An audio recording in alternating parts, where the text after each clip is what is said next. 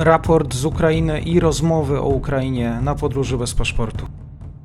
Dzień dobry wszystkim słuchaczom. Dzisiaj na kanale Michał Nowak z portalu Nowy Ład, który również relacjonował e, wojnę na Ukrainie, e, właśnie na podcaście. Jeszcze to były początkowe tygodnie. Dzień dobry. Dzień dobry i witam również Państwa. To już 90. dzień inwazji na Ukrainę. W ostatnich dniach, w trakcie ostatnich dni, w trakcie ostatnich godzin sporo wydarzyło się na froncie.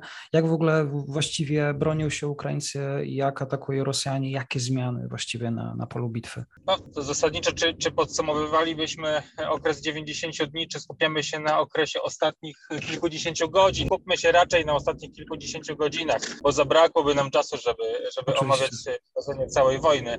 E, tu rzeczywiście trzeba wskazać, że jednostki ukraińskie co do zasady e, bronią się niezwykle niezwykle odważnie, to, to, to oczywiste, ale e, również niezwykle skutecznie na większości odcinków frontu w Donbasie. E, trzeba wskazać równocześnie, że wiele tych jednostek walczy bez żadnej rotacji od właśnie 90 dni. Dzisiaj mamy równo trzeci miesiąc od rosyjskiej inwazji na Ukrainę i te jednostki ukraińskie, te ukraińskie brygady, czy to brygady zmechanizowane, pancerne, brygady powietrzno-desantowe i inne ukraińskie jednostki często walczą na froncie donbaskim od pierwszego dnia wojny. Nie były od tego czasu rotowane ze względu na braki kadrowe.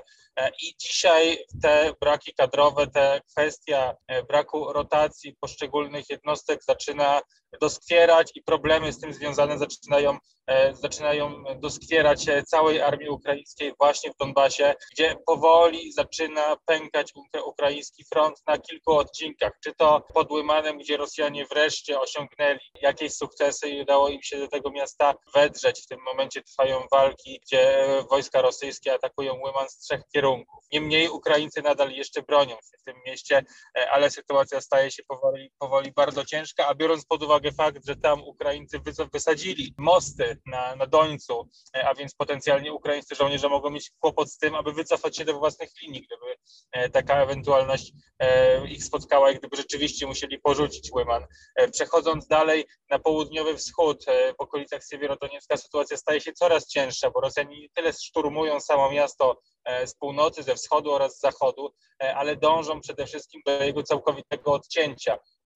I tu poruszyłbym kwestię najważniejszego miasta, które, które ma teraz, którego upadek ma tak istotny wpływ na cały front e, donbaski, czyli Popasnej, którą Rosjanie zdobyli kilka dni temu po tym, jak Ukraińcy musieli część jednostek z Popasnej wycofać celem e, ratowania sytuacji na Dońcu pod Biłochorivką, co, co zakończyło się rosyjską klęską. Jeżeli dobrze Państwo pamiętają, tam Rosjanie próbowali prze, przerzucić most pontonowy przez Doniec, ale wracając do Popasnej, wraz z upadkiem tego miasta Rosjanie e, rozpoczęli atak z kilku kierunków, na, na północ, na, po, na, na południe oraz na zachód z, z, ze wspomnianej Popasnej i w ciągu ostatnich kilku dni przemieszczali swoje jednostki, zdobywając kolejne miejscowości, e, aż udało im się dotrzeć do drogi, do głównej drogi pomiędzy Bach, e, a Siewierodonieckiem, a mówiąc bardziej obrazowo, jeżeli nie widzą Państwo mapy, pomiędzy Ukrainą Zachodnią a Siewierodonieckiem. Jest to główna droga zaopatrzeniowa dla wojsk ukraińskich broniących się w rejonie Siewierodoniecka-Lisiczańska. Jest jedna z dwóch dróg, bo pozostaje nam jeszcze droga Bachmut-Siewiersk, e, droga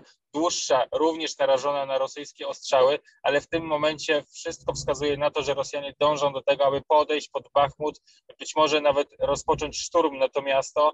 E, Rosjanie dzisiaj rozpoczęli, rozpoczęli, właściwie wczoraj rozpoczęli uderzenie z kolejnego kierunku na styku, e, na styku Popasnej, a Gorłówki, atakując w okolicach Kieducharsko i tam również osiągnęli dość znaczące sukcesy. Ukraińcy wycofali się na północ w kierunku Bachmutu, a wojska rosyjskie szybkim tempem podążają za nimi, e, zdobywając dzisiaj już do kilku miejscowości. Także niestety dla wojsk ukraińskich sytuacja staje się coraz poważniejsza, coraz bardziej prawdopodobny wydaje się ten scenariusz, w którym wojska ukraińskie będą musiały porzucić rejon Siewierodoniecka i wycofać się na zachód w kierunku nowej linii obronnej, prawdopodobnie na linii e, Słowiańsk-Kramatorsk-Bachmut, gdzie będą próbowali e, odeprzeć kolejne rosyjskie uderzenia.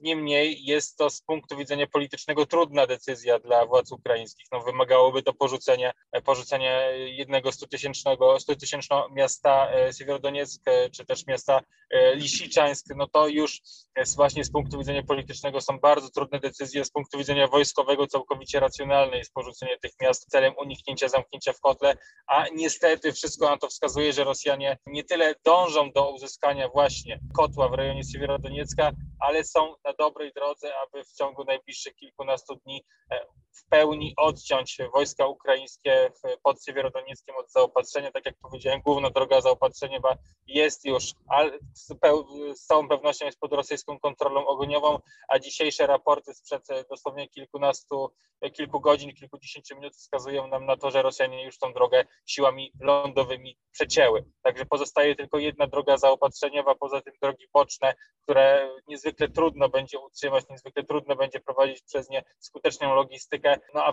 wraz z upadkiem tej drugiej drogi przez Siewierskę, ewentualny odwrót wojsk ukraińskich z Siewierodoniecka byłby już też bardzo utrudniony. I być może Ukraińcy celem e, odwrotu musieliby porzucić część e, ciężkiego sprzętu, e, czy też pozostawić za, za sobą jakieś oddziały osłonowe już narażone na zniszczenie. Także sytuacja staje się niezwykle trudna właśnie w rejonie Siewierodoniecka i na to zwracałbym dzisiaj szczególną uwagę. Na poszczególnych pozostałych odcinkach frontu mamy raczej stabilną, ustabilizowaną sytuację już od dobrych kilku tygodni. Rosjanie nie są w stanie prowadzić działań ofensywnych na więcej niż jednym, e, jednym kierunku operacyjnym, a tym podstawowym kierunku, kierunkiem operacyjnym w tym momencie jest właśnie Siewierodonieck. Czy tam e, Ukraińcy mają jeszcze jakieś atuty, właściwie też jak z tą pomocą z Zachodu? No, pomoc, to, to jest dobre pytanie pytanie. E, pomoc Zachodu oczywiście wielką, wielką siłą dociera na Ukrainę. Pojawiają się oczywiście jakieś informacje odnośnie e, kłopotów z docieraniem tego zaopatrzenia do jednostek, czy też na front. E, pojawiają się informacje o,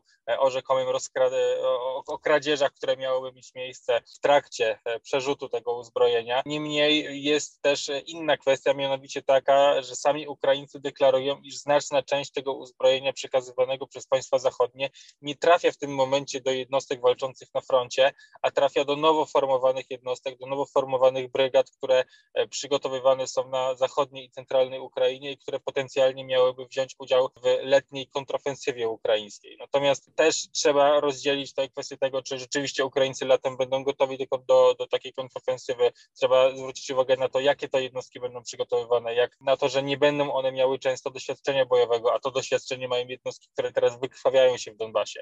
Także to są, to są takie pytania, na które trudno będzie nam dzisiaj odpowiedzieć, na które trudno jest mi odpowiedzieć. Niemniej jest też kwestia tego, że przynajmniej część z tego uzbrojenia, między innymi e, przekazane przez Amerykanów haubice M777 już trafiły e, do Donbasu. Znaczna ich część jest w Donbasie, a więc przynajmniej ta część uzbrojenia nie trafia do nowo formowanych jednostek. E, jeżeli chodzi o sam rejon Siewierodoniecka, nie wydaje mi się, aby Ukraińcy mieli tutaj jeszcze jakiegoś asa w rękawie. Raczej będą dążyć do odwrotu na góry upatrzone pozycje celem uniknięcia zamknięcia w okrążeniu i przygotowania nowej linii obronnej właśnie na linii tych trzech miast, o których mówiłem wcześniej, Kramatorska, Słowiańska, Bachmutu e, i tam będą dążyć do wykrwawienia wojsk rosyjskich, tak aby potencjalnie ta e, kontrofensywa letnia mogła wejść w próżnię z uwagi na straty, jakie Rosjanie ponieśli do, ponieśli do tego czasu. Tak jest, 90. dzień inwazji, 24 maja podsumowanie. Michał Nowak, bardzo dziękuję i jesteśmy w kontakcie. Do usłyszenia. Dziękuję również.